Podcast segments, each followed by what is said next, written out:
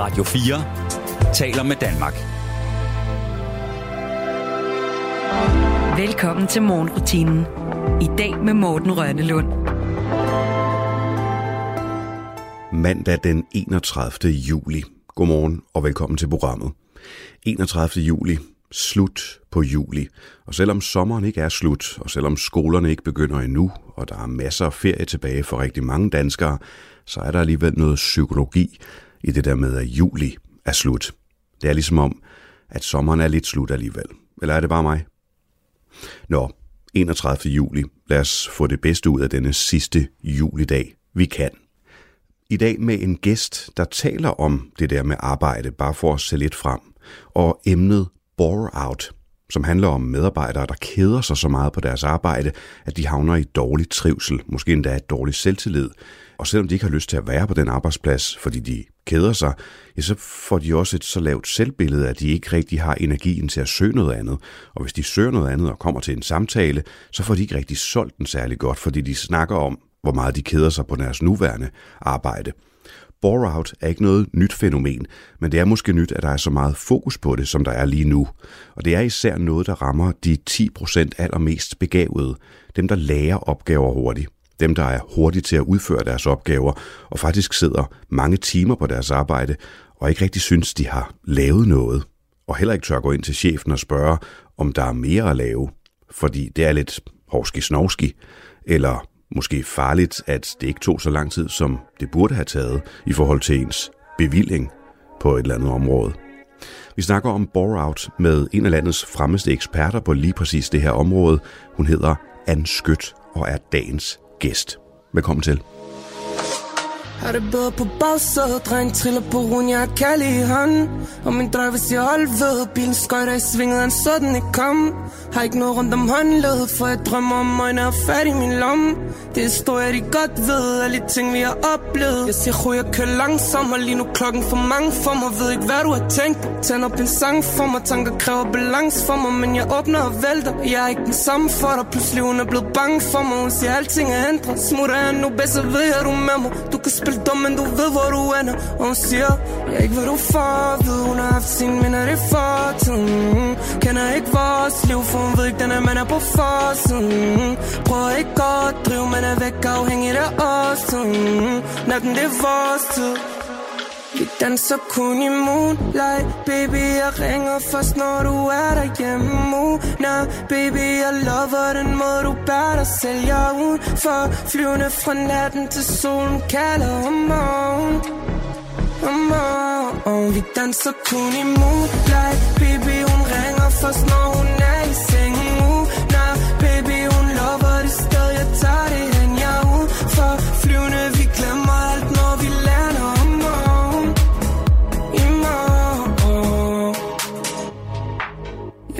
Jeg måden, de mennesker ser dig på? Træt af måden, vi eskalerer det på. You see baby, don't talk and I'm done talking, yeah.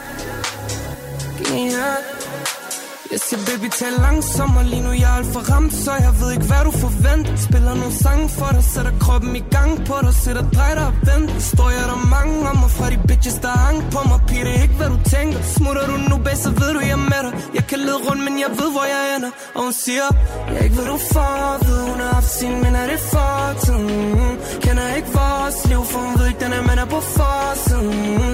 Prøver ikke godt drive Man er væk afhængig af os Natten det er vores tid Vi danser kun i moonlight. Baby, jeg ringer først, når du er derhjemme.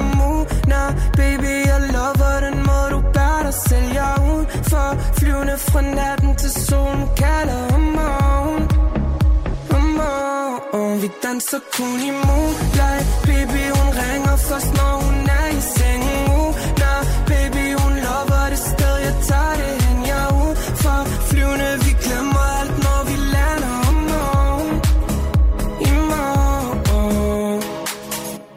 Dima og nummeret Moonlight. Jeg hørte på et tidspunkt, jeg tror det var en stand-up-komiker, sige, at han, da han kom til en 6-38 år øh, i egen alder, holdt op med at tage ny musik ind. Han kunne simpelthen ikke overskue mere. Til sidst blev det for meget, man fik samlet op i løbet af livet, man skulle kunne huske uden ad, genhøre, være forelsket i, have i sit katalog. Så der satte han bare sådan en stopklods, og så lyttede man til noget, hvis det kom i radioen, men var ellers ikke særlig opsøgende. Og sådan tror jeg, mange har det. Altså af dem, der ikke er sådan de helt store musikfanatikere og storforbrugere af musik, men bare, eller vil jeg sige, almindelige forbrugere. Sådan har jeg det måske også, og i hvert fald har jeg det sådan med noget af det helt nye nye. For eksempel Dima og Moonlight. Men jeg blev alligevel nysgerrig, så jeg googlede ikke mindst for at finde ud af, hvordan man skal udtale Dima. Og det har jeg stadig ikke helt fået total sikkerhed for. Det staves D1-tal MA. Men det album, der er udgivet, det hedder Evigt og Altid, hvor i'erne er lavet om til et taler, som mit gæt er et i, altså Dima. Nå, men det er ikke det eneste. Nogle af jer derude ved måske, at ingen rigtig ved, hvem Dima er. Altså formentlig ud over Dimas forældre og Dimas pladeselskab. Dima har optrådt blandt andet på Roskilde, men med maske på, med handsker på hænderne, og ingen har endnu fået vedkommende til at smide masken og afsløre, hvem der egentlig er inde i Dima. Så jeg havnede i et kæmpe kaninhul på internettet for at finde ud af, om ikke der gik nogle rygter, der var håndfaste nok til at komme med en eller anden konklusion. Det er der altså ikke. Alverdens medier har gjort et forsøg, og øh, alverdens rygtebørser, især den allerstærkeste af rygtebørserne herhjemme, Reddit, øh, har forsøgt at komme frem til noget. Men jeg kan altså ikke se andet end, at her den 31. juli 23, der ved vi stadig ikke, hvem Dima er i den brede offentlighed. Og så sent som den 26. kom der en pressemeddelelse om nogle af de koncerter, Dima optræder i løbet af efteråret, også uden at afsløre, hvem Dima er. Ja, sådan er der altså også mystik, og så er det måske meget godt, hvis man har taget den der beslutning om midt i 30'erne ikke at tage ny musik ind. Og apropos det der med usikkerheden om ny musik, det næste vi skal høre, det er bandet B-L-E-S-T. Og når jeg staver det, så er det fordi, at heller ikke her ved vi, hvordan det skal udtales, for de vil ikke sige det selv, om det er blæst eller blæst. De leger lidt med ideen om, at det er begge dele og er lidt tvetydige i det her unge danske band. Men her kommer de altså blæst eller blæst med nummeret Ego. Kun en ting i mit hoved Tyk glas solcreme, så jeg kan flyve helt tæt på solen. Vinder slag efter slag, ændrer noget lag i sommerkjolen. Løb forud, giv mig plads, bare i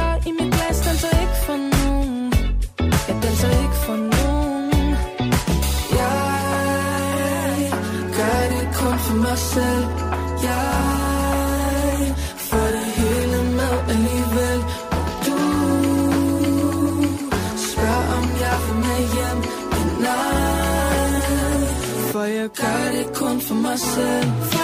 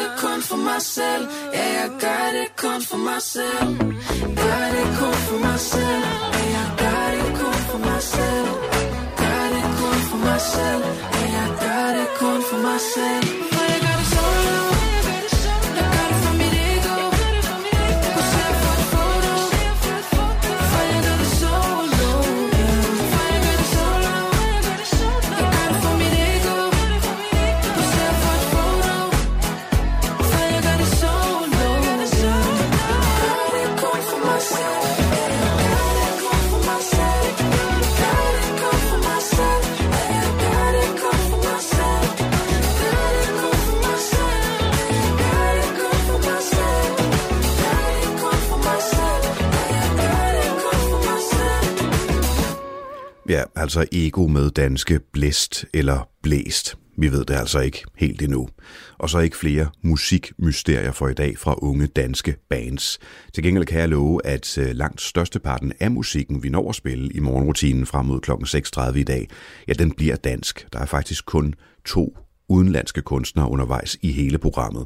Det bliver lidt senere, når du hører Nat King Cole, og så bliver det lige om et øjeblik, når jeg sætter Christina Aguilera på med What a Girl Wants. Om et øjeblik, så skal vi kigge i Tove Ditlevsens brevkasse tilbage fra familiejournalen, og derefter byder vi indenfor til dagens gæst, som hedder Ann Skødt. Det er lige om lidt.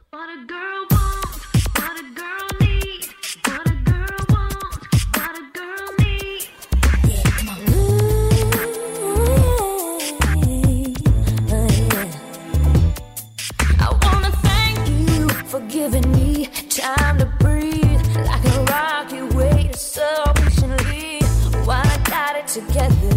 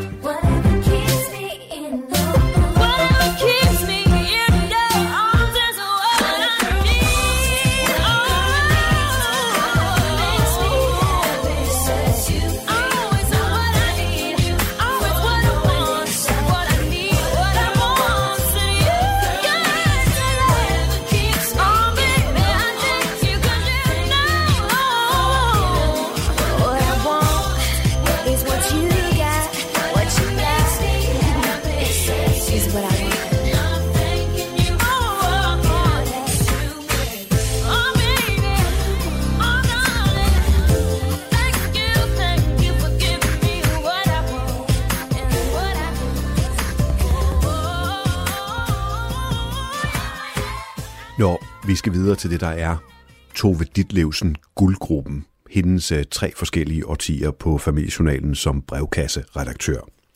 Kære Tove Ditlevsen, jeg er en ung pige på 17 år. Jeg er i tre måneder kommet sammen med en ung mand på 19 år, som jeg er meget glad for. Vi kommer i hinandens hjem, og mine forældre kan godt lide ham.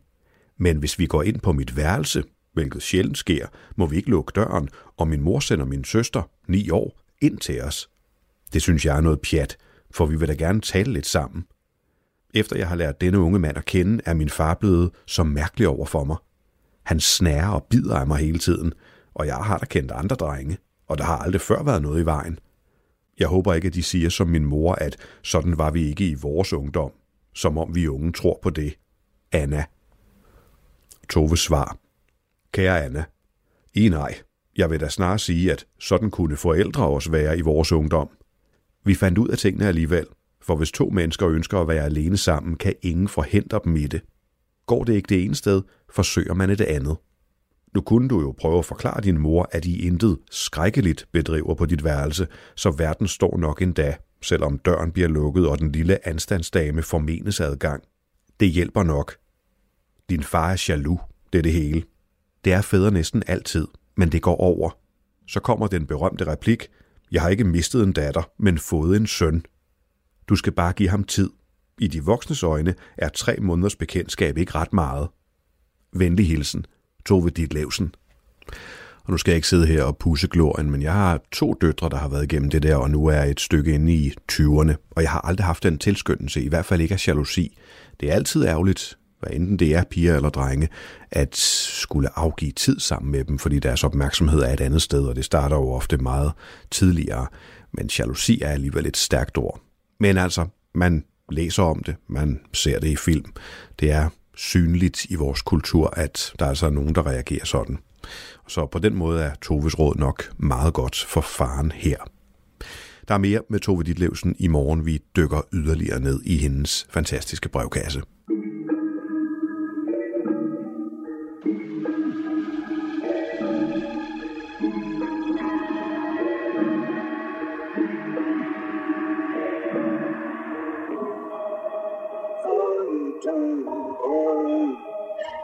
Som gør det for år tilbage Men ikke den nummer år tilbage Vi kan godt få mig baby nu jeg Dans top, ligesom Bitte Kær Ligesom Lisa Per Ligesom Keller, ligesom Hilda er jeg dans top Ligesom Kampe Otto.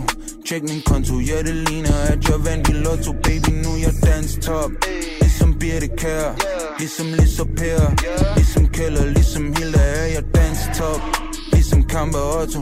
Tjek min konto, ja det ligner at jeg vandt i lotto. Baby nu jeg dans top Ligesom lille Per. Ligesom Pia Kærskov og ligesom grisetær. Jeg burde passe på min konto, men kan ikke lade være. For jeg er millionær Og jeg kigger ikke hvad prisen, er. Jeg dans top Ligesom Birte Kær. Men de siger der kold på toppen, ligesom Isabær Men hvorfor snakker de om toppen? Det er på toppen, at de ikke er det. Jeg der prøver at ligne mig, jeg prøver ikke at ligne jer og I er helt okay. Jeg er faktisk rigtig god I bare ikke HP Når jeg dans top. Ligesom Birte Kær Ligesom Lisa Per. Ligesom Keller, ligesom Hilda er jeg dans top.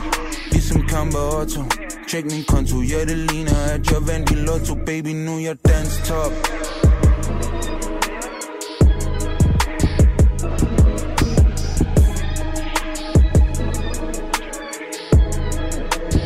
At jeg var den største har jeg vidst siden jeg var bitte lille Men om skolen tænkte mor hvad skal det blive til? For jeg var god med ord men ikke til matematikken vel? Nu er livet lettere end en titabel Kan komme frem til sommer ved 10 stille. Bare lad beatet spille. Yeah. og det hele kom så pludseligt Jeg var nede i minus, jeg tilbage. Jeg er i plus igen, venter om på ligning. Nu vil alle være ukendt.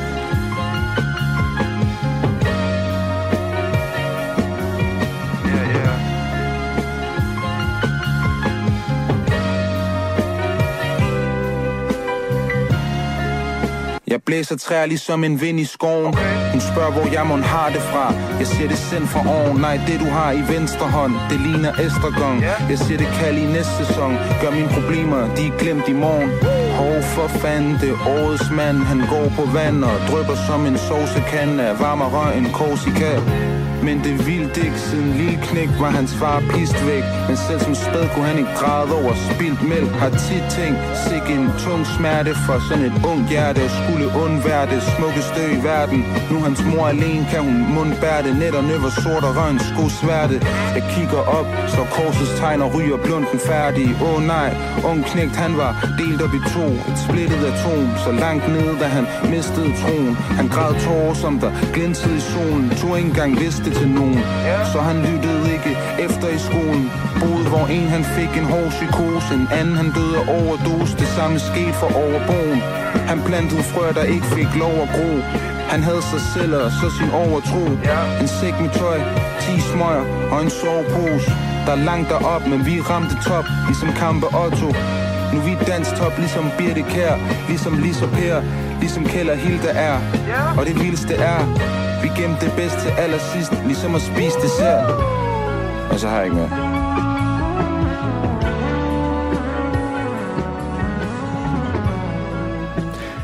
Dagens gæst i morgenrutinen er Ann Skyts, som er forandringsfacilitator og i dagens anledning måske især specialist i det begreb, der hedder bore-out. Godmorgen og velkommen til, Anne. Tak skal du have. Lad os lige starte med forklaringen. Hvad er det her bore-out-fænomen? Det er et fænomen, der blev opdaget øh, for en del år siden efterhånden, øh, og som handler om, at man får øh, stresslignende symptomer, øh, som i virkeligheden skyldes, at man bliver understimuleret på sit arbejde, at man mangler udfordringer, og at man keder sig tit. Hvorfor øh, har vi først opdaget det for nylig? Ja, det har vi heller ikke, men, men man har måske ikke haft kendskab til det, og så har man troet, at det var stress eller udbrændthed eller noget andet, øh, det handlede om. Og nu er emnet så kommet op, øh, og der skrives artikler og laves øh, ledelsesklummer og lignende, der, der også nævner øh, det her. Hvorfor er opmærksomheden kommet på det nu? Altså det kunne jo eventuelt hænge sammen med øh, det her begreb med, med pseudoarbejde. Ja. Og der er større opmærksomhed omkring, at vi laver en masse opgaver, øh, løser en masse opgaver på vores jobs, som i virkeligheden er overflødige og ikke giver mening, og derfor meget hurtigt bliver kedelige rutiner. Øh, og følelsen af meningsløshed er noget af det, der kan være øh, fremmende i forhold til bore-out. Kan du sige mere om det? Altså, hvad er det for en type af arbejde, som har skubbet os ud over den kant? Det er jo især kontorarbejde, øh, og rigtig meget under, øh, under øh, coronaepidemien, fordi at vi var tvunget til at sidde foran vores computer og glo den lang. Hvorimod, hvis man har noget arbejde, hvor man fysisk øh, og i samme lokale interagerer med andre mennesker, så keder man sig automatisk mindre, fordi man bliver mere stimuleret på andre måder, end bare øh, at høre og se på en skærm. Jeg tror, vi er mange, der kan genkende, at der, hvis man laver kontorarbejde, er kommet mere af det der sådan lidt døde papir frem og tilbage, hvor vi måske godt kunne have sparet noget, og sparet et møde, og sparet to mails og lignende. Men den udvikling tror jeg, vi er enige om. Men er der også noget, der er os voksne, moderne mennesker er gået hen og blevet lidt forkælet? Nej, det tror jeg ikke. Nej. Øh, jeg, jeg tror, at det er et fænomen, der har eksisteret øh, meget og længe, men øh, selvfølgelig er blevet forværret af, at der er mere og mere, der foregår online, og, og mere og mere øh, kontrol og meningsløse opgaver, der ikke rigtig fører nogen vegne.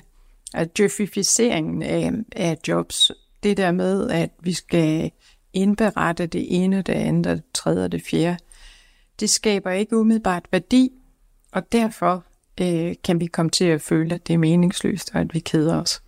Men der er jo mange andre dele af vores øh, arbejdsliv, der mens den her ændring har stået på, også er blevet mere øh, opmærksomhed på visioner og mere opmærksomhed på at oversætte strategien og ledelser, der gør en hel masse ud af at forklare medarbejdere, hvor vi skal hen. Så kunne de der ting ikke gynger og karuseller sådan lidt øh, udligne hinanden? Er det så meget værre med pseudoarbejdet, at det har overtaget det hele? Det tror jeg kan variere fra virksomhed til virksomhed, og det er jo selvfølgelig også forskelligt, hvor meget man reagerer på det.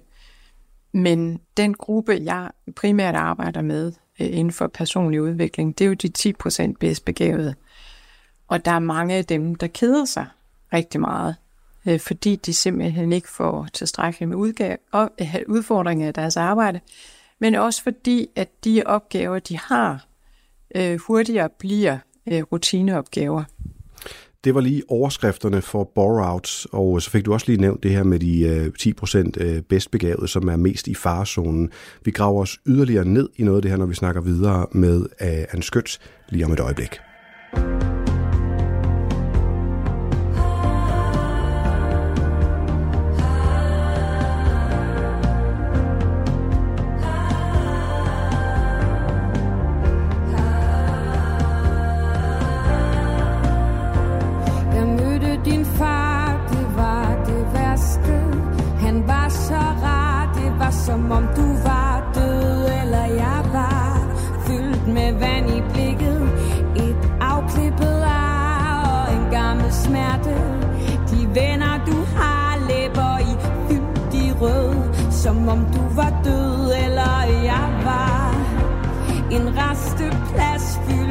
Barndomsminder. Så utilpas, det var som om du var død, eller jeg var Tomme plastikglas og skjuler mine alt det du ikke kender Det vi aldrig var, en smag så sukkersød Som om du var død, så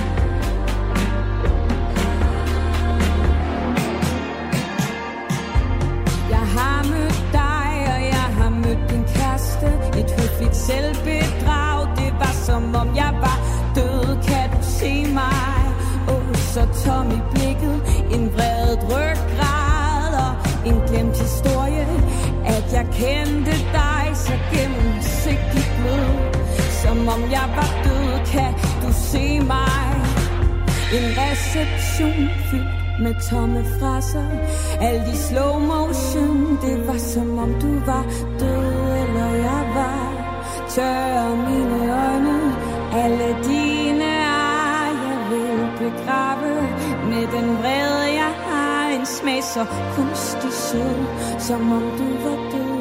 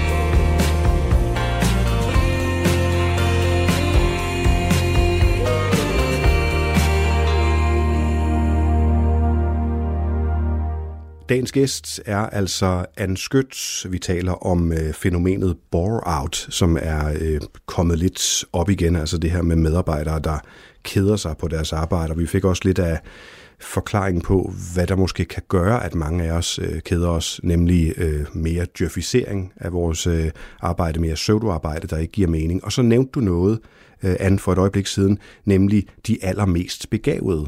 Hvad er det, der er særligt ved dem i forhold til risikoen for et bore-out?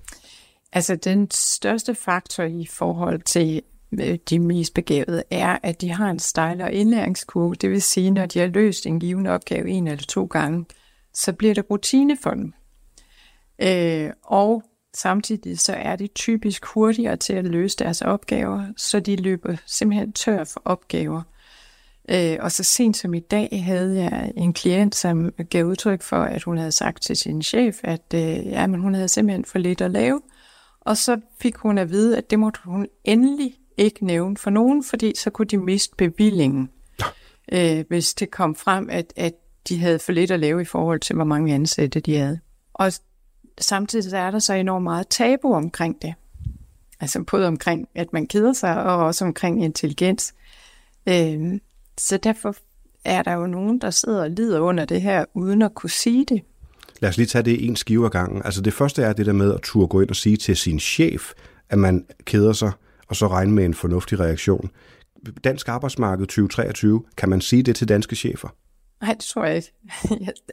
der er selvfølgelig nogle chefer, der, der kan være mere åbne over for det, men, men i flertallet, der er mit, øh, det jeg kan høre på, på øh, mine klienter og andre, det er, at det kan man ikke. Jamen, så kan vi jo nærmest lige så godt gå hjem og få ikke løst problemet, eller hvad? Altså, man kan jo håbe, at ved at der kommer større opmærksomhed omkring det, og at man begynder at tale mere åbent om, at det faktisk er et problem, at der er nogle medarbejdere, der keder sig, at man så begynder at tænke på, om det kunne være, at vi skulle bruge de medarbejdere bedre. Øh, det er da i hvert fald min forhåbning. Jeg synes, det er tåbeligt, at man ikke bruger medarbejderen bedre, end man gør på nuværende tidspunkt. Og det vil de fleste virksomheder nok også sige. Du sagde også, der var tabu på det med intelligens. Prøv at sige noget mere om det. Ja, altså, det er jo både sådan øh, almindeligt kendt, at janteloven gør, at man ikke taler om sin IQ. Men derudover så er det, altså, det er også tabubelagt på den led, at dem, der er normalt begavet, ikke kunne drømme om at sige til dem, der er bedre begavet end dem selv, ej, hvor lyder du klog, eller det lyder rigtigt, det du siger, men jeg kan ikke helt følge med. Øh, problemet er, at de bare føler sig dumme, eller de kan føle sig dumme, og derfor ikke har lyst til at arbejde sammen med kolleger, der er mere intelligente end dem selv. Det er jo endnu et ret stort problem. Jeg bliver sådan helt øh, mundlam, fordi det er jo også en ordentlig bid at tage hold på, øh, vores forhold til hinanden og hinandens intelligens. Ja. Hvad skal vi gøre ved det? jeg begynder at snakke om det. Altså hvis øh, højden på ens IQ var lige så øh, almindelig som øh, højden på ens øh, krop, eller længden på ens fødder, øh, som man kunne snakke om, om IQ, ligesom man kunne snakke om skostørrelser, så var det jo fedt. Men det kan man ikke på nuværende tidspunkt. Okay, så i det miljø af tabuer i forskellige retninger, når du så støder på de 10% mest begavede øh, i, i dit arbejde. Prøv lige at fortælle os noget mere om, hvordan de har det, og hvad det er, de bliver udsat for, for det må da være det rene helvede. For mange af dem er det, øh, at de keder sig dagligt, og de har svært ved at få opgaverne til at, at strække i løbet af en dag, eller de har brug for rigtig, rigtig mange opgaver, eller de sidder og laver private ting i arbejdstiden for at få arbejdsdagen til at gå. Øh, og det kan de sådan nogenlunde slippe afsted med, når der er hjemmearbejde, men det går jo ikke, når de sidder på et storrumskontor sammen med en masse andre. Og det er en af grundene til, at, at bore-out øh, overhovedet eksisterer. Det er det der med, at man ikke bare kan være åben omkring, så nu er jeg, har jeg flere opgaver, kan jeg få nogle flere. Og så tabuet omkring intelligens gør samtidig, at, at man kan heller ikke sige, når man nu er jeg færdig, kan jeg få nogle flere opgaver. Fordi at så kan de andre føle, at de er langsomme til deres arbejde. Det er de jo ikke relativt, men, men det er det i forhold til dem, der er hurtigere. Ikke? Nu nævnte du det der med chefen, der ikke ville have taget bevillingen fra sig, så man skulle endelig ikke sige, at det tog færre timer, end det gør i en given opgave. Der er jo også på kollegasiden, eller fagbevægelsen for den sags skyld, hvis der er nogen, der er meget hurtigt til deres arbejde, ja. øh, så kan det ødelægge det lidt for dem, der ikke er, fordi så sætter det en ny standard. Ja. Er det også noget, der lægger et pres? Helt klart. Og, og jeg tænker, det er jo også med til at gøre, at der er nogle ressourcer, der ikke bliver brugt hensigtsmæssigt at man har en eller anden standard for, hvor meget vi arbejder her. Jeg, jeg kender også en, en meget effektiv og hurtig højt begavet, som øh, har fået at vide af sin chef, nej, nu skal du altså lige holde igen, fordi der skal jo også være noget til de andre at lave. Mm.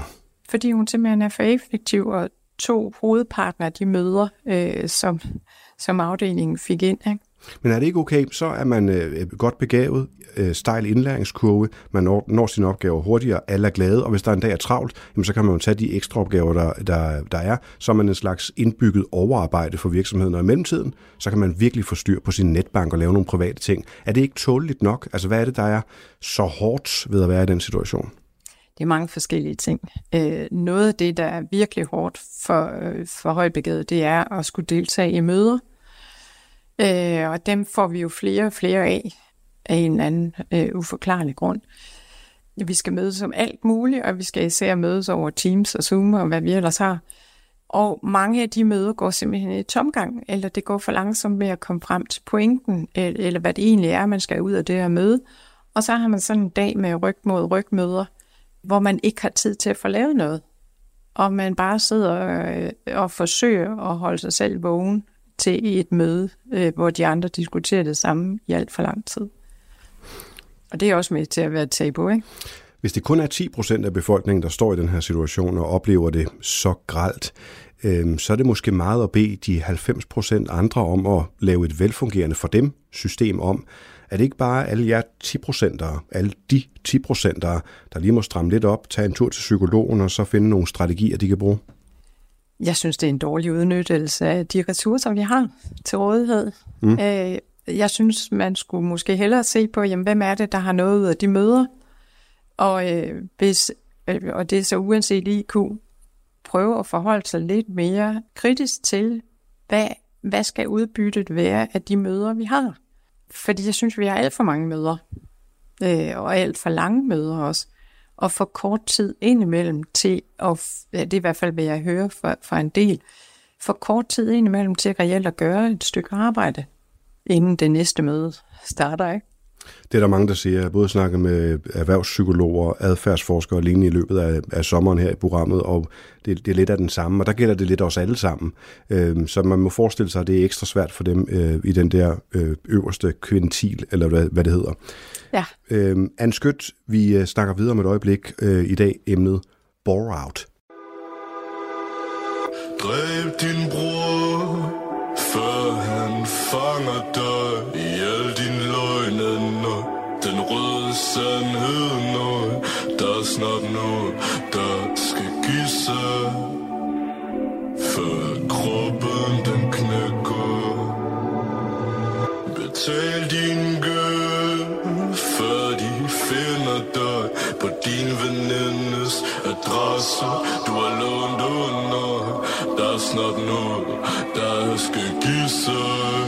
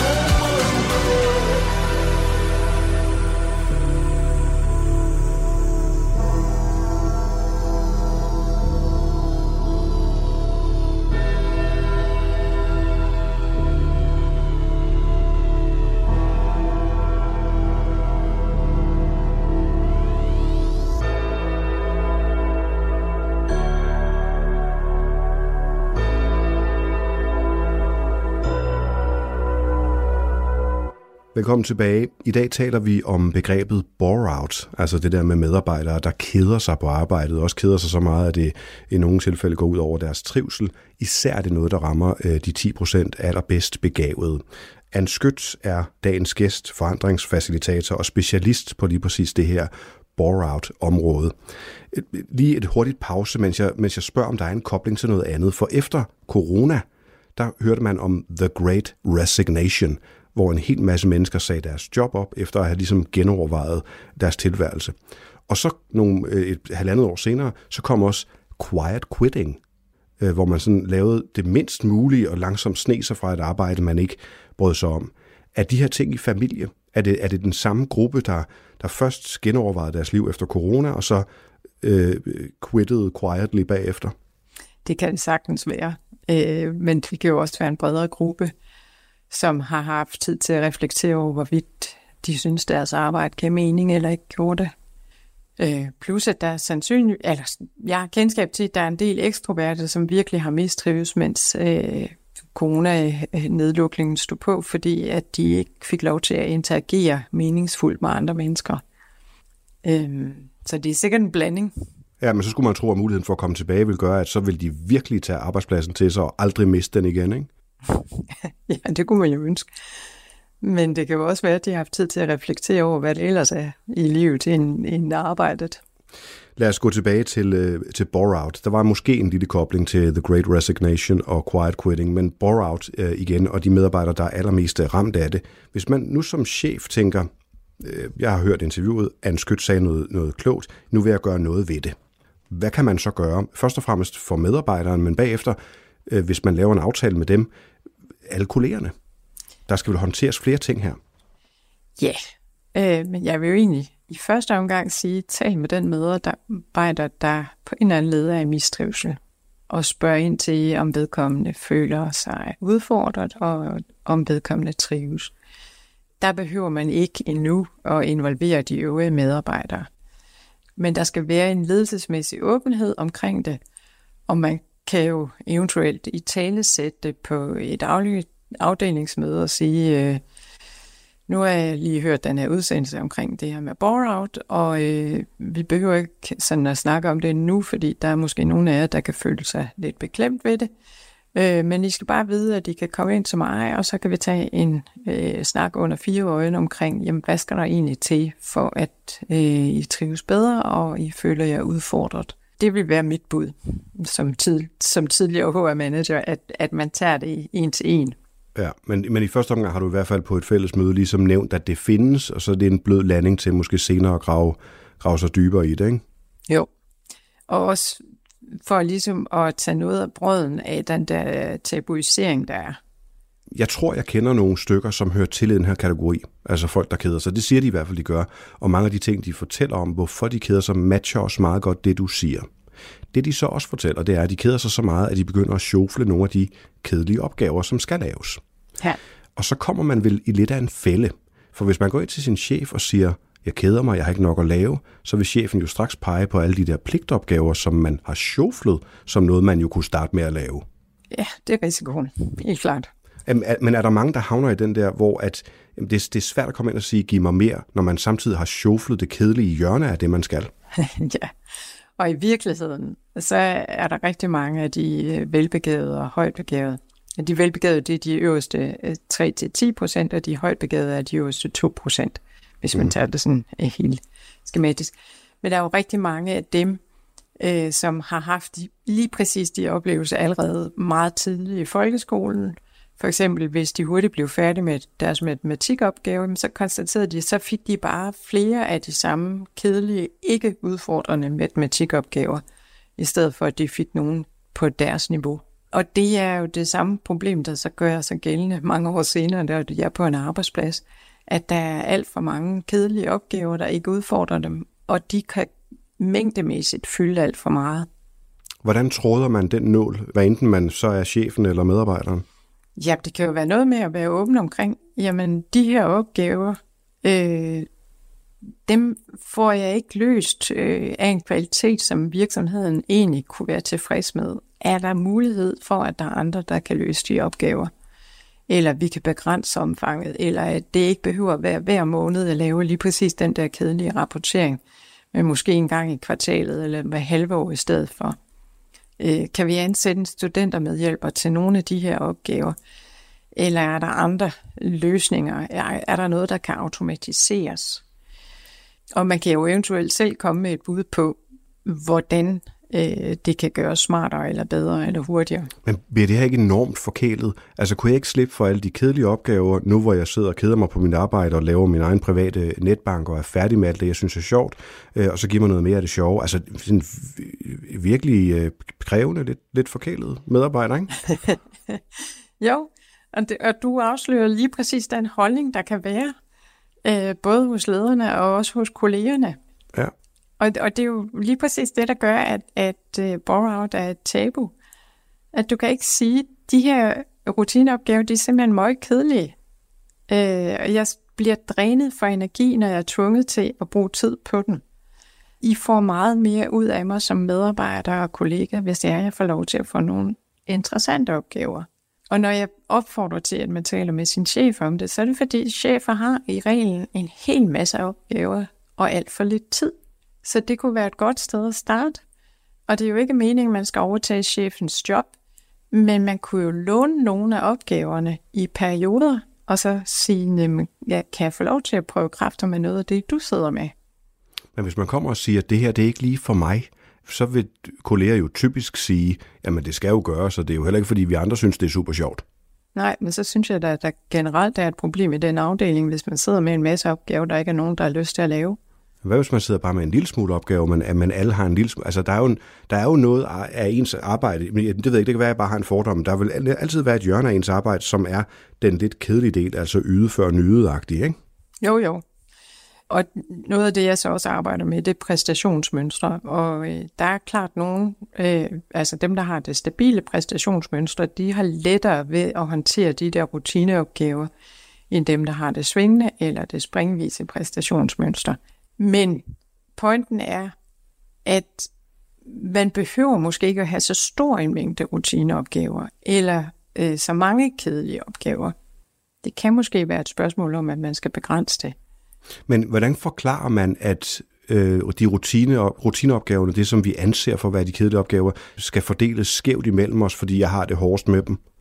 Ja, det er jo et spørgsmål om, hvordan man bruger ressourcerne. Mm. Øh, og, og hvis man sådan skal komme med, med et billede på det her med, med, øh, med hastighed og løsning af opgaven, ikke? Så, så kan man sige, at øh, de fleste kører rundt i en, hvad skal man sige, en eller anden standard bilmodel, og så er der altså nogen, der har en sportsvogn. Og den der sportsvogn skal selvfølgelig også overholde øh, hastighedsbegrænsningerne. Men hvis du har en Maserati, så er det jo mega ærgerligt, at den aldrig får lov til at køre hurtigt.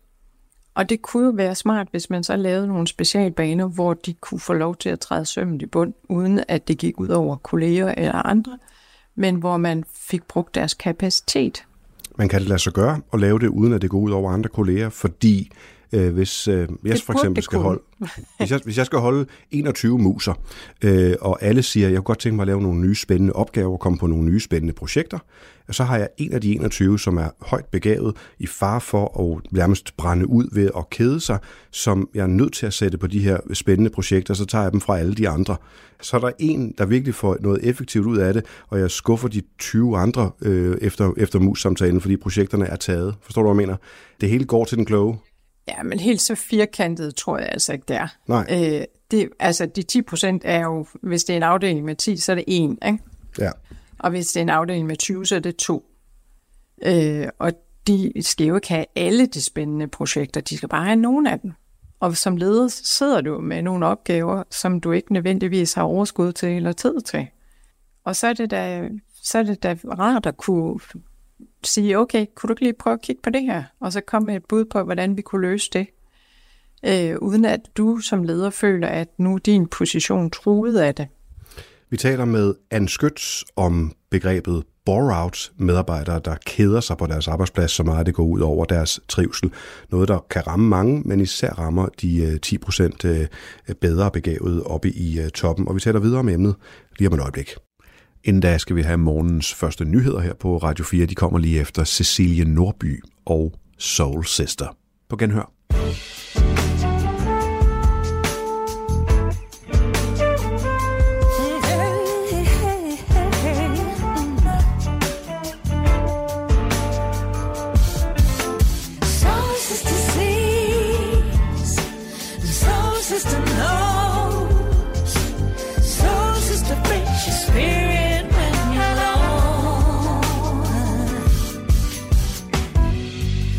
Got that thing, it's invisible, but yet so real.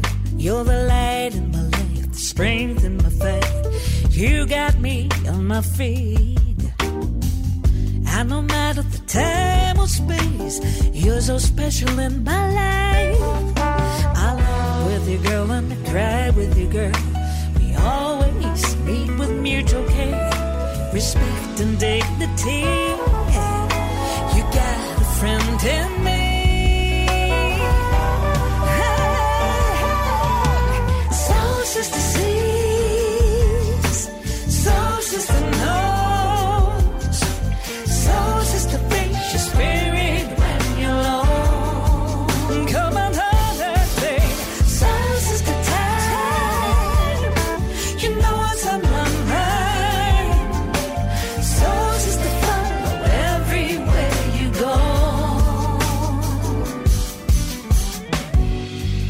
just one look. We don't need describing words. I know how you feel. You know what I think. Two guilty gossip girls. We don't need to conceal a thing. We are women, flesh and bones. I won't lie to you, girl. We will conquer the world. We always share the power of femininity.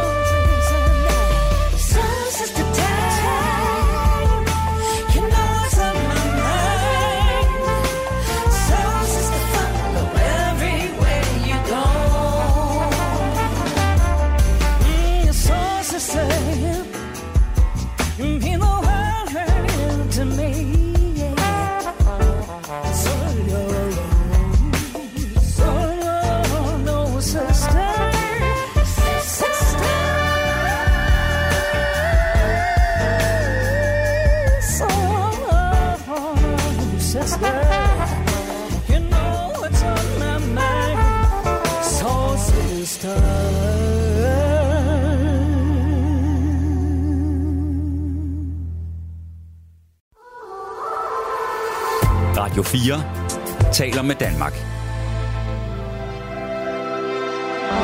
Velkommen til morgenrutinen. I dag med Morten Rønnelund. Dagens gæst i morgenrutinen er Anne Skødt, som er forandringsfacilitator og specialist i begrebet bore-out, som er det, vi taler om øh, i dag. Anne, nu fortalte du lige øh, øh før om, om øh, nogle af de ting, man kunne gøre for at løse det og til gode se øh, de her især højt begavede, som, som keder sig. Ikke ved at give dem alt, men ved at give dem noget. Kan der være noget at ændre her, hvis vi ser på at kalde tingene noget andet, især måske de der kedelige rutineopgaver, altså sådan så, når vi skubber dem til kollegerne og lader den højt begavede undslippe, så har vi ikke kaldt dem kedelige rutineopgaver, for hvem gider have dem, men nogle af dem, der kræver vedholdenhed, eller dem, der er gode til lister, eller altså kan det iscenesættes på en positiv måde, når man vil af med det kedelige? Altså, det kunne jo være, at man sagde, det her det er nogle opgaver, der kræver, at man er god til at skabe struktur og planlægge og organisere. Og det må man bare anerkende, at det er der altså nogen, der er væsentligt bedre til end andre. Mm-hmm. Øhm, og så kan man jo, altså, når jeg arbejder med præstationsmønstre, så, så kan jeg jo se, når man dem, der har det stabile, de er bedre til de der administrative øh, og, og øh, mere sådan planlægnings- og organiseringskrævende opgaver, hvor dem, der så har et springvis præstationsmønster, hvor det er sådan meget enten eller, at de er gode til, til udviklingsopgave, hvor du bare får et blankt stykke papir og en opgave, der hedder, øh, kan vi løse det her problem? Hvordan gør vi det? Mm.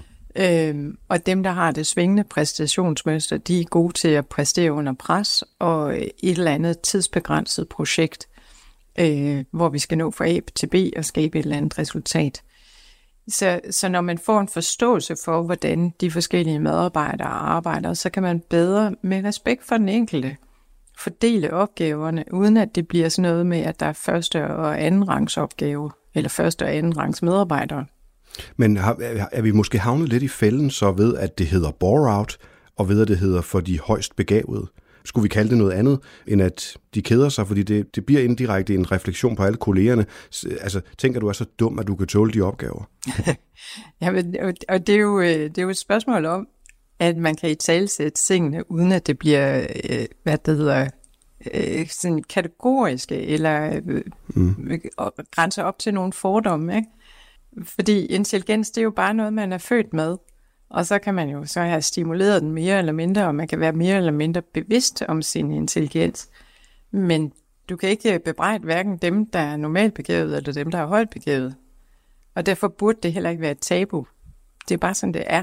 Men man kan jo godt tale om det på en måde, eller det kan man i hvert fald forsøge, synes jeg, øh, hvor det ikke hedder rutineopgaver, men administrative opgaver, og hvor det ikke hedder, måske ikke handler om intelligens, men handler om kompetencer. Mm. Og hvor man anerkender, at der er bare nogen, at det, jævnfør de der 10% bedst begavede, de lærer hurtigere nye ting. Og det er der bestemte opgaver, der kræver.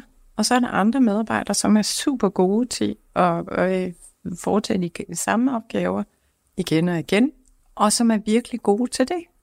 Og som er sikre, og som øh, ikke laver fejl, selvom de skal gøre det 28 gange i træk. Men vi har jo havnet i den fælde så over år, at øh, vi har gjort de opgaver med systematik og fejlundgåelse, som virkelig er vigtige og højt værdifulde mange steder, at det, det er til de grå kontormus, og sådan noget. Det er det sprog, vi har om det. Ja, men i virkeligheden synes jeg, at den glidning, der er sket, er sket øh, i takt med, at vi har fået computeren. Hmm. Fordi der er rigtig mange HK-jobs, der er blevet afskaffet på den konto. Og så skal øh, så sidder de der akademikere og højtuddannede og ærger sig over, at de selv skal lave det, som de synes er kedeligt sekretærarbejde. Og vi har gjort begge parter en, en bjørnetjeneste ved at ændre på det. En af de der, øh, hvad skal man sige, helt store øh, i den kategori, det er jo, at, at nu skal lægerne og sygeplejerskerne osv. selv indberette alt muligt i sundhedsportalen osv. Altså, vi sætter nogen, der har en høj specialiseret uddannelse eller en mellemlang uddannelse til at lave arbejde, der ikke kræver en, en uddannelse af den karakter. Bare fordi, at, at vi har ændret arbejdsopgaverne, så der er en større del, der skal registreres. Og hvorfor skal det det? At sætte varme hænder til at, at, at sidde foran en computer, det er bare en rigtig dårlig idé. Så noget af det vil være at reducere, hvor meget af det arbejde skal laves, fordi noget af det er unødvendigt, inklusive nogle af møderne. Men noget andet, hvis jeg må læse mellem linjerne på det, du siger, kunne også godt være at genindføre nogle af de der HK-assistent jobs. Ja. Og så få nogen, der elsker det og virkelig kan det, til at tage sig af det igen. Ja, og, og bare sådan en ting som, altså, nu skal vi jo alle sammen lave mødebookning, og selv, øh, hvad det hedder, lave rejseafregninger og sådan noget. Men det er jo sådan, sådan en leder, som øh, har 117 andre opgaver, han vil jo have tendens til at sylte den der rejseafregning. Og i øvrigt så er han ikke særlig rutineret til det. Men hvis han nu har en knaldgod, hvilket nogen har, og øh, det er så bare sådan lidt tys-tys, at de sætter deres sekretær til, til den slags, eller deres øh, personlige assistent. Øh, men hvis man anerkender, jamen det giver faktisk værdi for virksomheden, at der er en, der har en faglig kompetence inden for øh, registrering og øh, administration og planlægning osv. Hvis man får den anerkendelse og, og den øh, opgradering, kan man sige, i stedet for at sige, jamen det skal vi alle sammen gøre. Og så i øvrigt prøve at tænke lidt smartere, end at, end at det øh, skal fylde så meget, som det nogle gange gør. Ikke? Men så kommer der, der kommer et problem mere susende nu, nemlig at det der med et lag af administrative folk, det er ikke det, man skal have i det offentlige i hvert fald. Det er der, der skal skæres ind til benet. Så øh, der er jo ikke meget udsigt til, at der kommer øh, hjælpestillinger af den slags. Nej, men man skal måske omorganisere øh, arbejdet, så dem, der er læger og sygeplejersker, reelt kan komme til at bruge mere tid på det, de, de er bedst til. Ikke?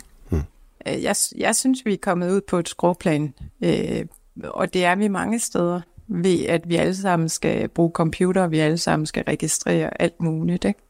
Men forståelsen er vel, at øh, det er så nemt, og vi kan alle sammen, og vi er efterhånden digitalt indfødte. Og hvis du lige gør det i farten, er det meget nemmere, end at en eller anden nede på kontoret, Henrik, skal tage sig en kæmpe stak sidst på ugen, som alle bare har smidt på hans bord. Så hvis man lige gør det lidt løbende selv undervejs, så er det effektivt. Nej, det er det faktisk ikke. Nej. Fordi hvis Henrik gør det en gang om ugen, så har han en stor rutine i det, og kan gøre det meget hurtigere og mere fejlfrit end alle de andre, der har alt muligt andet i hovedet, og i øvrigt bliver afbrudt, fordi de lige skal dit og dat undervejs. Ikke? Men, men det er den glidning, der er sket rent fagligt. Men, men det er jo en anden ting. Ikke? Det, det er en anden problemstilling, at vi alle sammen har fået pålagt de der administrative opgaver og lange møder osv., i et større omfang, end vi har været vant til. Nu du siger det, lad os se, om vi kan udbrede emnet til sådan måske en lidt bredere kreds end bare de 10 procent øverste. For det, det virker også som om, at der er kommet et felt i 20-25 procent øverste, øh, som det er begyndt at smitte lidt til, og det skyldes måske nogle af de der dødssyge, meningsløse opgaver, der er kommet ind. Men, men er der også en anden udvikling? Altså bliver midterfeltet af folk, der kan havne i bore-out større? Kan du sige noget om det? Altså det, man kan sige noget om, det er, hvem det ikke rammer. Mm. Og det rammer meget sjældent ledere, og det rammer sjældent dem, som har et, et meningsfuldt arbejde, dem, der har et, et fysisk arbejde, dem, der arbejder med mennesker, blomsterbinder, gardner, øh, sygeplejersker, folk, som har øh, hvad det hedder, møder med andre mennesker – og kan se, at deres arbejde gør en forskel for nogen. Og det er rigtig svært at se, hvis du sidder foran en computer og bare taster tal og navne ind i et regneark. Så det er alle konsulenterne dybest set, som, øh, som hænger i slyngen her. Øh, dem, der sidder alene ved computeren og skriver ansøgninger til styrelser og fonde. Ish. Ja, nogle af dem, men altså, øh, det er der jo også nogen, der er super gode til at gøre, og som kan lide at gøre det. Øh, det er graden af kontorarbejde og indholdet af kontorarbejdet, der, der er med til at skabe det her bore-out. Lad os prøve at se, øh, nu stiller jeg lige det store spørgsmål, øh, på trods af, at vi har identificeret ret mange problemfelter, man kunne tage fat på, der hver især er rimelig øh, store. Hvad vil være, hvis vi alle sammen skulle enes om én ting, vi gør nu, for ligesom at tage hul på det? Nu har vi snakket om det, for eksempel her i udsendelsen. Man kunne nævne det på et afdelingsmøde, men hvad vil så være næste skridt for at være konkret? Er det på muserne? Er det at tage en opgave og gøre den synlig? Er det, hvad, hvad, hvad gør vi? Hvad er det første skridt? Altså man kunne starte med at tage det op på, på afdelingsmødet, og så kunne man bede hver enkelt om at gå tilbage til deres arbejdspladser og deres arbejdsopgaver og sige, okay, men hvilke opgaver løser jeg, som ikke giver mening, eller som kan gøres smartere og hurtigere og bedre på en anden måde, eller som reelt ikke skaber nogen værdi for nogen øh, efter min vurdering. Altså at, at hver at, at dem, der sidder med opgaverne, tager stilling til, hvor, hvor meget værdi skaber den her opgave for virksomheden, hvad jeg kan se. Lad det være det korte første råd. Forandringsfacilitator øh, og specialist i Borout, Anne Skødt, som vi taler med i dag, og taler videre med lige om lidt.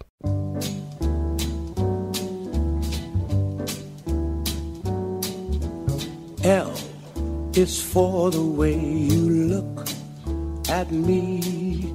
O is for the only one I see. V is very, very extraordinary. E is even more than anyone that you adore can love is all that I can give to you.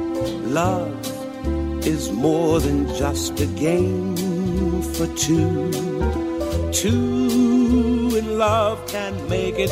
Take my heart and please don't break it. Love was made for me and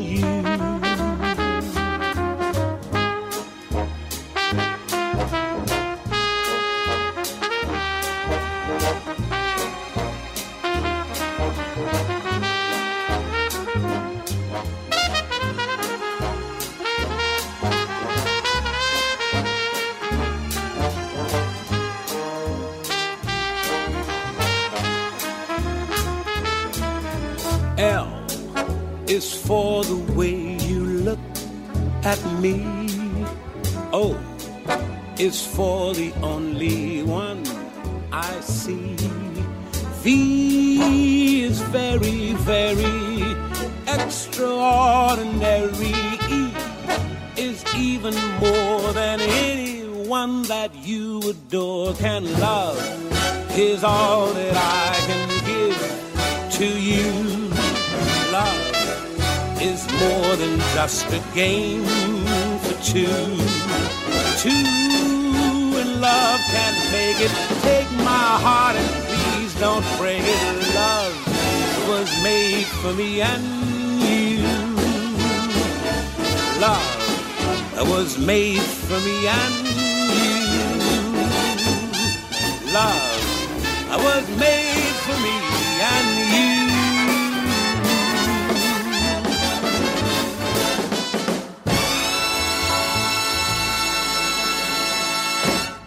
Dagens gæst er forandringsfacilitator og specialist i begrebet bore-out and skyt. Øh, og nu har vi talt en hel masse om bore-out, om de øh, højst begavede, som ofte bliver ramt af det, og du er også kommet med et enkelt råd til, hvad vi kunne gøre ved det, selvom problemfeltet er stort. Men Anne, du er også en af landets øh, fremmeste øh, i forhold til viden om impostersyndromet, og det er ikke fordi, vi skal åbne en helt ny flanke om det, men bare lige sådan den korte status. Det har været noget, man har talt meget om i de sidste to-tre år. Øh, hvor, hvor er vi nu med det? At der er kommet en større bevidsthed omkring det, og et større kendskab til det. Jeg skrev en bog sammen med min, en af mine tidligere klienter tilbage i 2020, Imposterkomplekset, Slip dit faglige mindre værd. Øhm, og jeg har også holdt en del foredrag om det, og der er tiltagende opmærksomhed omkring det. Og så hedder det i øvrigt øh, imposterfænomenet, fordi det er et fænomen og ikke et syndrom eller en diagnose eller noget, man fejler. Imposterfænomenet kan følges med øh, bore-out, og det er nok især øh, kvinder, der kan opleve, at de to følges ad, fordi de nogle gange på grund af imposterfølelser siger ja til et job, de reelt er overkvalificeret til, men fordi at de er så bange for at fejle og komme til at, at fremstå som inkompetente, så søger de jobs, hvor de føler sig 100% sikre, og øh, nogle af dem har også perfektionistiske tendenser, og perfektionismen kan være en del af imposterkomplekset. Øh, men man kan altså godt være perfektionist uden at være imposterramt og omvendt. Og hvis man sidder i et job, man reelt er overkvalificeret til, så er der jo altså væsentligt større risiko for at blive ramt af bore-out. Måske skulle vi lige sådan helt kort forklare imposter. Du gjorde det lidt undervejs her, men det er altså følelsen af, at man udgiver sig for at kunne mere, end man kan, og på et eller andet tidspunkt er der nogen, der opdager, at man slet ikke kan finde ud af det. Det er sådan den korte tegneserieudgave, ikke? Jo, men derudover så er det også et mindeværdskompleks, hvor man går og gruer for, at der er nogen, der opdager, at man ikke kan så meget, som øh, de tror, man kan, eller man har forestillinger om, at andre tror, man kan. Mm. Og i virkeligheden så undervurderer man sine egne kompetencer, og man overvurderer andres. Øh, og dermed bliver det jo også øh, en skæv øh, selvopfattelse, at man har sværere ved at vurdere, hvad man egentlig kan. Og samtidig så er man bange for at lave fejl. Det her var ikke noget, man snakkede om på, øh, højt om i hvert fald på arbejdsmarkedet for 15 år siden. Er der sket en udvikling, eller er vi bare bedre til at snakke om alt, hvad vi føler? Øh, jeg tror det sidste, altså fordi det har jo hele tiden eksisteret. Mm. Øh, men, men ligesom det med bore-out og intelligens og så videre, så, så er det jo ikke sådan, man rækker hånden op og siger, jeg føler mig indkomsttændt, vel? Nej. altså, det ligger i sagens natur, at, at det ikke nødvendigvis er noget, man har lyst til at snakke højt om. Og hvis du går rundt og føler, at du nok har snydt, og at du er kommet for nemt til tingene, øh, eller det er bare et spørgsmål om, at du om tid, før du bliver gennemskuet, øh, så, så er det jo heller ikke noget, man har lyst til at tale højt om. Jeg kommer tit til at tænke på øh, Kurt Larsen, som blev interviewet til, til den her bog af Rasmus Ankersen, leder DNA. Og så står der, at han, han jeg siger til, til min kone, at det er bare et spørgsmål om tid, før de finder ud af, at jeg ikke ved en skid. Altså, og, og en af hans øh, udfordringer var jo, at, at han var autodidakt. Altså, han var bare stille og roligt steget i graderne, øh, og var endt med at blive direktør øh, for DSV. Men han havde jo ikke nogen længerevarende videregående uddannelse, eller noget, der sådan kunne dokumentere, at han var berettiget til at have den stilling. Og det er noget af det, der kan give de der imposterfølelser. Og det findes jo rundt omkring i alle mulige afskygninger og med forskellige begrundelser. Så fik vi også en lille status på imposter, som Anne Skødt ved en del om. Øh, måske en af dem i landet, der ved allermest. Lad mig lige lave, Anne Skødt, en øh, stor bue tilbage til bore-out-emnet som, øh, som afrunding. Nu nærmer vi os også snart afslutningen på sommeren.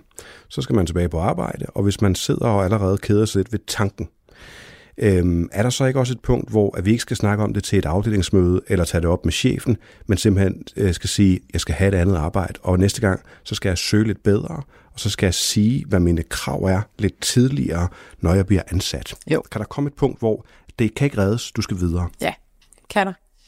Og igen, jeg vil starte med, at man, med, eller jeg vil anbefale, at man starter med at tage bore-out-testen. Man kan bare google det, bore-out-test. Øhm, og prøve den fordi så kan man se, hvor højt man scorer, og hvor, hvor meget man reelt keder sig. Problemet er nemlig, at hvis man scorer over 30, altså mellem 30 og 40, øh, jamen så er det nu, man skal overveje, okay, skal jeg begynde at søge noget andet, eller skal jeg udfordre mig selv på andre måder? Skal jeg netværke noget mere? Skal jeg udfordre mig selv i min fritid? Det er den ene ting. Og det kan man stille og roligt gå i gang med. Problemet er, hvis man scorer over 40, og kommer tættere på de der maksimalt 50, man kan score i testen, så er det allerede slemt.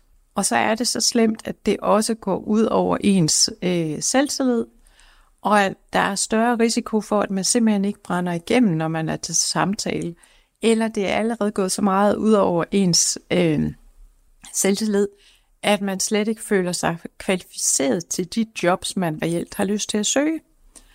Og så er der jo risiko for, at man søger noget, man er overkvalificeret til, og så gentager man det bare, fordi så følger aben med. Så, så start lige med at tage testen og finde ud af, hvor meget du er ramt, og læs noget mere om det, og finde ud af, jamen, kan jeg udfordre mig selv på en eller anden led i min fritid, så jeg kan holde ud og have det her arbejde, indtil jeg er klar til at søge noget andet. Tag gerne og ringe eller skrive til mig, fordi jeg skal nok hjælpe. Øh, men det, øh, det er væsentligt at finde ud af, fordi hvis man først har alle de der øh, symptomer på bore-out, så ligner det udbrændthed, og det ligner stress, og man har simpelthen ikke energien til at søge noget nyt, fordi man simpelthen bliver drænet for energi, og man bliver mere og mere drænet for hver dag, der går. Det er sådan en rigtig catch-22-spiral, man bliver fanget i så. Lige præcis. Godt, så har vi givet det råd videre, hvis man sidder og småkeder sig ved tanken om at vende tilbage på arbejde, og måske bare mere end normalt. Øh, Google bore-out test, og, øh, og så se, hvor højt man scorer. Hvis man scorer meget højt, så haster det. Det var sådan, jeg, øh, jeg hørte det. Rigtigt. Tak for, øh, for rådet, og tak for gennemgangen, plus vores lille imposter-bonus. Du lyttede til øh, forandringsfacilitator og specialist i bore-out og øh, imposter-fænomenet, som vi lige skal lære at kalde det. Anne Skødt, tak fordi du var med. Godmorgen. Selv tak. Radio 4 taler med Danmark. Senere på ugen i øh, morgenrutinen, der taler vi om robotter og kunst, og hvordan de to kan mødes og forbedre hinanden. Det er altså både robotter, der laver kunst, eller selv er kunst, som man kan interagere med, men også hvordan kunstnere, der tænker skævt og går anderledes til en opgave, og har en anden rumforståelse og en anden, et andet øje som sådan publikum, forbruger af dimser, de kan hjælpe robotingeniører med at forbedre deres robotter. Og det er sådan både i forhold til, hvordan man bruger dem, og hvor trykker man, og hvad for en farve skal det have, men også deres grundlæggende opbygning. Der er meget, der kan krydsbestøve hinanden i det samarbejde. Det fortæller Jonas Jørgensen, robotforsker om senere på ugen. Vi taler også med direktøren for Studievalg Danmark. Øh, I de her dage, der har en masse unge mennesker fået svar på, hvad for en uddannelse de er optaget på, og de tal graver vi os ikke ned i. Dem skal du nok støde på andre steder i mediebilledet. Vi tager det store kig på, hvor øh, uddannelsesvalget over de senere år er drejet henad, og hvad vi tror, der sker i de næste år på området. Hvad er det, de unge vil med uddannelse? Hvor er vi på vej hen i det store billede? Og i morgen handler det om, hvad sangskrivning kan gøre i en krisesituation. Vi taler med en forsker, der har forsket i netop det i Sydafrika. Vi er ved vejs ende i dagens udgave af programmet og slutter i selskab med Ashiba og Get to Know Me. På genhør. Put your hands on me. Spend a little time to make it now. Get a start on me. I want you to get to know me. Take a ride to heaven, friend. Put your hands on me. Spend a little time to make it now. Get a me. I want you to get to know me.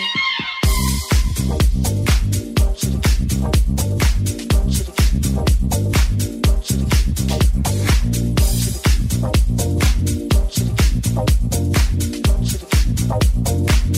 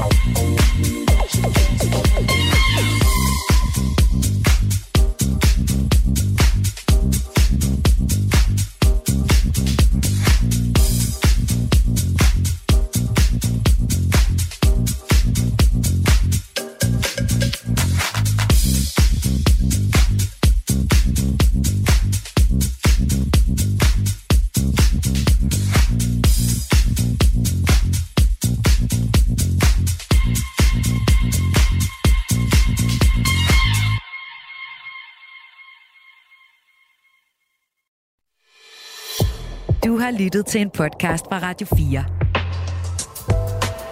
Find flere episoder i vores app, eller der, hvor du lytter til podcast.